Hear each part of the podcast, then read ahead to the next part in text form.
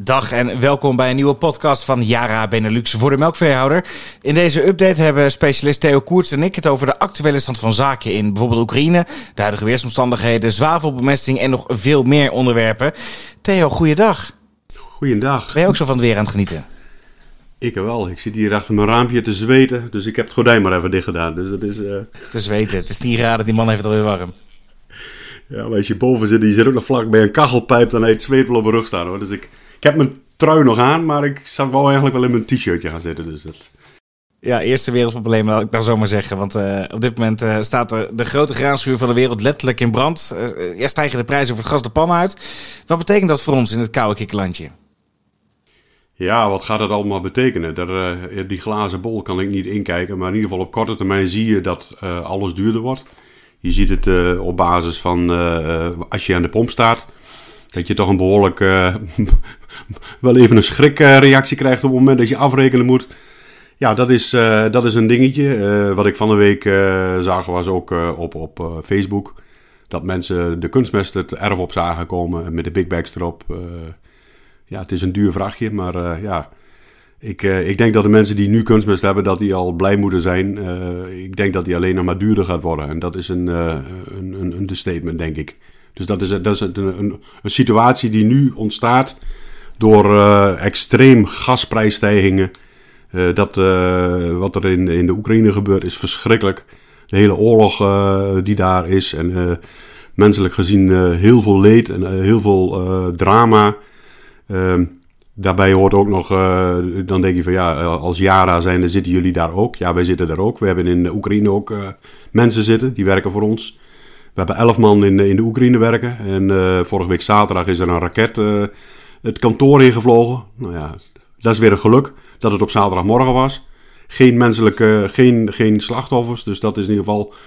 Ja, en daarnaast hebben we ook nog negen mensen in Rusland werken. Dus we zitten, we zijn verweven, we zijn wereldwijd. Dus we hebben van het conflict alle kanten zien we dingen. Dus we zien van binnenuit, we zien vanuit de Russische kant, vanuit de Oekraïnse kant en wereldwijd wat er allemaal gebeurt. Dus het, het, het is een, een, een, gigantische brede impact.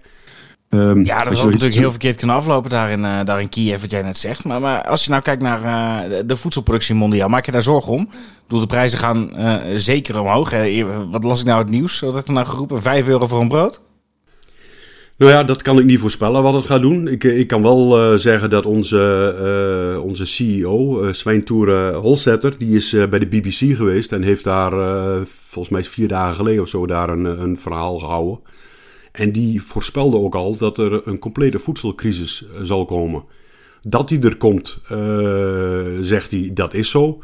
Maar hoe heftig die zal worden, dat is nog niet te voorspellen. En ja, dat, dat, dat varieert per uur als je daarna gaat kijken van wat, wat, wat zal er allemaal gebeuren. En ja, als uh, meneer Poetin uh, op dit moment gewoon besluit, en dat heeft hij besloten, om geen kunstmest meer te exporteren, betekent gewoon dat we voor Europa 25% minder stikstof beschikbaar hebben. Omdat er normaal gesproken in Europa 25% van de hoeveelheid komt uit Rusland.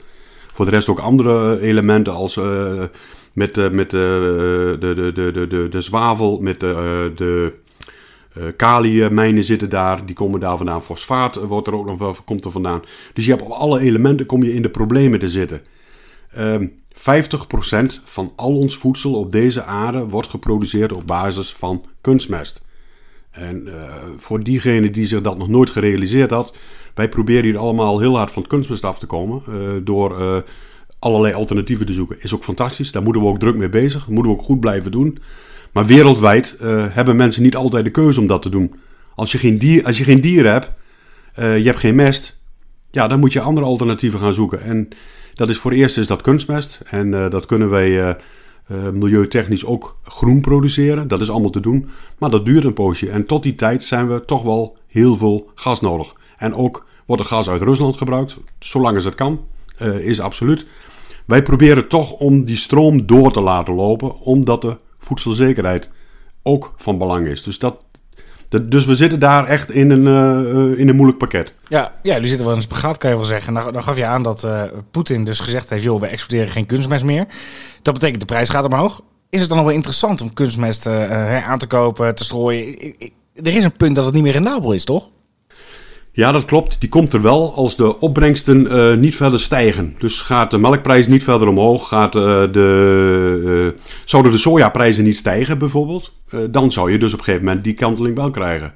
Alleen ik hoor nu ook mais- en, en sojaprijzen die vliegen de pan uit. Die gaan ook echt de lucht in.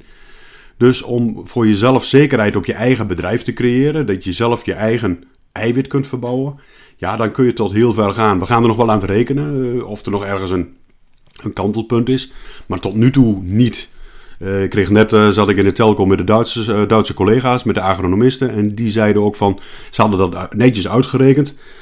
als de, de, de kalkamon of de zol van op 60 euro zit, dan moet de tarwe, die moet 25 euro per 100 kilo opbrengen. Kost die kalkamon 100 euro per 100 kilo of 1000 euro per ton, dan moet het tarwe 280 euro opbrengen. Nou, en als je de prijzen van nu hoort, ja, dan is er maar één ding. Uh, uh, wees niet te bang en bemest gewoon. Want uh, de opbrengsten of de extra kosten die je maakt, worden wel uitbetaald. En zo zie ik het ook voor het gras. We gaan er nog even verder aan rekenen, maar zo even voor de vuist weg zeg ik van, wees er niet te zuinig op. Het doet allemachtig zeer. Maar als je nu aan de kop gebeten wordt door een kunstmestrekening of aan de einde van het verhaal door een sojarekening of een andere rekening, ja, dat komt ongeveer op hetzelfde neer. Ja, ja, helder. Laten we dan vooral even wat leukere dingen hebben. Want als ik nu naar buiten kijk, dan zie ik echt een strak blauwe lucht. Uh, althans, zo staat in mijn script. Het is toch een beetje, beetje sluierbevolking hier. Uh, maar wat wel opvalt, s ochtends op de fiets heb ik handschoenen nodig. En als ik dan smiddags naar huis kom, dan heb ik het, het bloedje warm. Wat betekent dat voor het gras? Nou ja, dat, uh, dat het, mooi dat het in het script stond dat het strak blauw was. Hier wordt het ook al wat uh, scheef, ja, een, beetje, bevolkt. Maar ja, we hebben gewoon een heel raar voorjaar gehad. Een, een ander voorjaar dan normaal. We hebben nog nooit zoveel zonuren gehad. Uh, het januari was verschrikkelijk warm, dus het end was nat. mensen hadden heel veel moeite om met, met zwaar materieel het veld op te komen. Dat heeft dus uh, echt een beetje een uitstel gehad. Maar door die droge dagen, zon erbij en ook nog nachtvorst erbij, is die grond mooi opgedroogd. Dus iedereen kan op de meeste plekken nu drijfmest rijden. Ja, als je dat dan kijkt naar het gras, wat het uh, betekent. Nou, ik ben uh, afgelopen week ben ik even een toertje naar België geweest. bijna tot de Franse grens aan toe. Je ziet in Frankrijk tegen de Franse grens aan en naar Brabant en halverwege Nederland zie je heel mooi groen gras.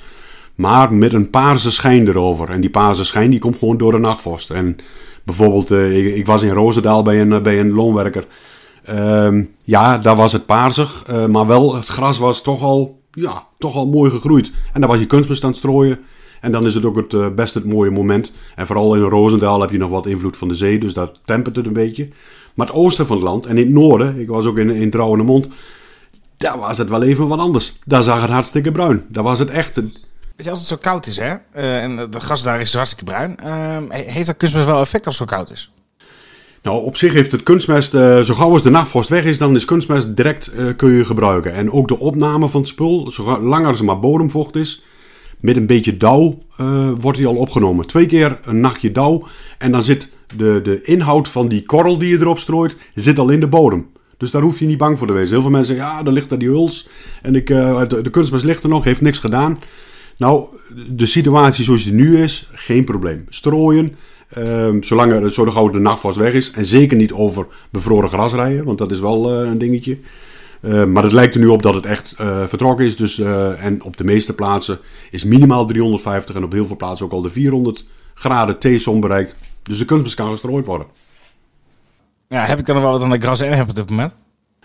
Jazeker, Grazenep uh, kun je heel goed uh, gebruiken en kijken van als je de uitgevoerde bemesting die je gedaan hebt, of in ieder geval die je van plan bent te doen.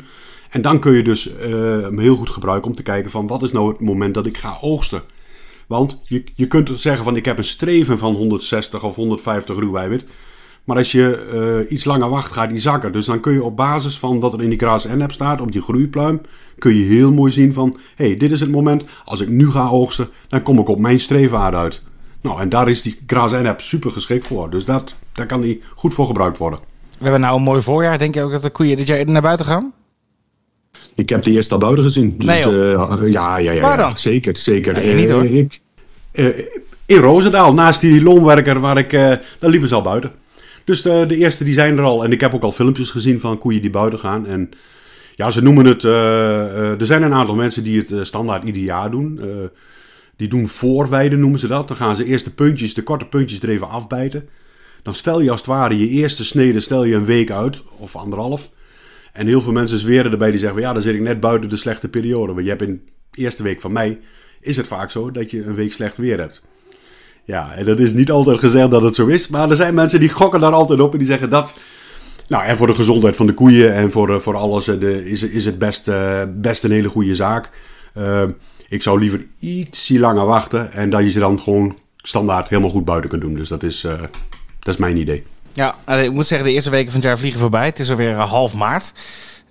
hoe ziet die ideale planning er volgens jou nu uit? Ja, de ideale planning voor mij die ziet eruit uh, zien dat je je drijfmest erop hebt, uh, zo gauw als kan. Uh, en gelukkig hebben de meesten die zitten erop, want overal zie je de mooie streepjes in het veld. Ja, of, of je zit achter, achter zo'n zo'n getrokken trekker. Ja, ja, ja, dat klopt. Je komt ze tegen, je komt ze tegen, dus dat, is, dat klopt. Ik, maar je moet er ook van genieten. Die mensen die zorgen ook weer voor dat er weer kaas geproduceerd kan worden, boter en dergelijke. Dus heb geduld. ja, ik weet het, we hebben altijd haast.